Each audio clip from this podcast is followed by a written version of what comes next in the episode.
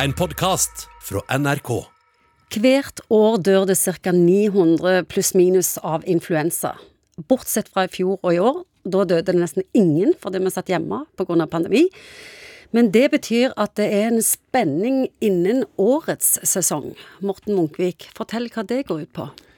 Ja, det går vel ut på at vi har faktisk gjennom eh, den pandemien som vi er i fortsatt, hatt en underdødelighet i Norge. Vi har dødd eh, sjeldnere enn vi døde før pandemien. Betyr det at vi får en god trend midt i trynet? Ja, sant. Det, det, vi har satt inne og drukket antibac et par år nå. Vært veldig påpasselige med håndhygiene og alle sånne ting som smittevernfolk har sagt at vil begrense infeksjonssykdommer i en årrekke. Og nå har de da fått testa det ut, og det virker. Man blir friskere.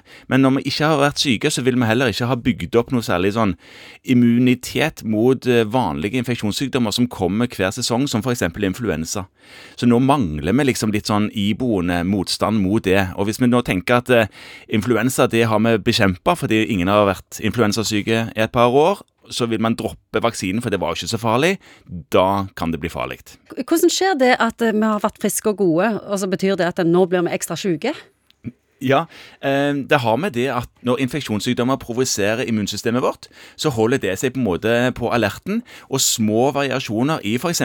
influensaviruset som kommer hvert år, introduserer nye versjoner av immunitet mot influensaviruset. og Da blir på en måte årets influensasesong ikke så ulik fra den som var i fjor, men nå har vi på en måte ikke hatt noe influensa på et par år, så da mangler vi litt stepp step i den naturlige immuniseringen som vaksiner og influensasykdom gir. og da kommer man rett i trynet hvis ingen gjør noe med dette her nå.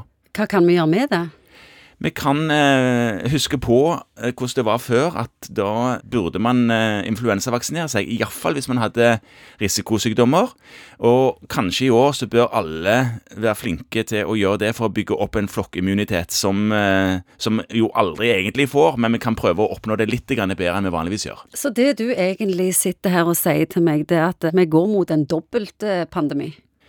Ja, vi er jo ikke kvitt covid-19. Vi står foran en høst hvor vi forventer en litt kraftigere influensasesong i lys av det vi nettopp sa. Så ja, det kan bli en tøff eh, influensasesong hvis ikke vi holder trøkket på den sykdommen oppe samtidig. Tror du folk er vaksinelei? Ja, jeg tror folk er vaksinelei. Men samtidig så har folk lært veldig mye om endringer på virus. Nå snakker alle om delta, og at det nesten er det som er Alt man ser av covid-sykdom nå, er deltaviruset, og det er litt mutert versjon av det som man lagde vaksine mot. Og Det er jo akkurat det som vanligvis skjer for influensavirus òg. Det endrer seg bitte grann fra år til år, sånn at man må justere influensavaksinen jf. det hvert år. Det kan være vi havner i samme situasjon for covid òg. Nå kommer influensavaksinen til oss kommer i løpet av uh, høsten. Det kommer litt an på hvor lang tid de bruker, disse som lager vaksinen, på å finne ut hva stammer som blir mest sannsynlig. Hvorfor starter alltid i Kina, i, i Asia der?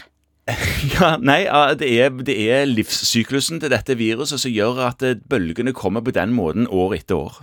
Uansett så er det ekstra viktig å ta influensavaksinen i år. Ja, jeg tror det er veldig, veldig lurt å gjøre. En podkast fra NRK. De nyeste episodene hører du først i appen NRK Radio.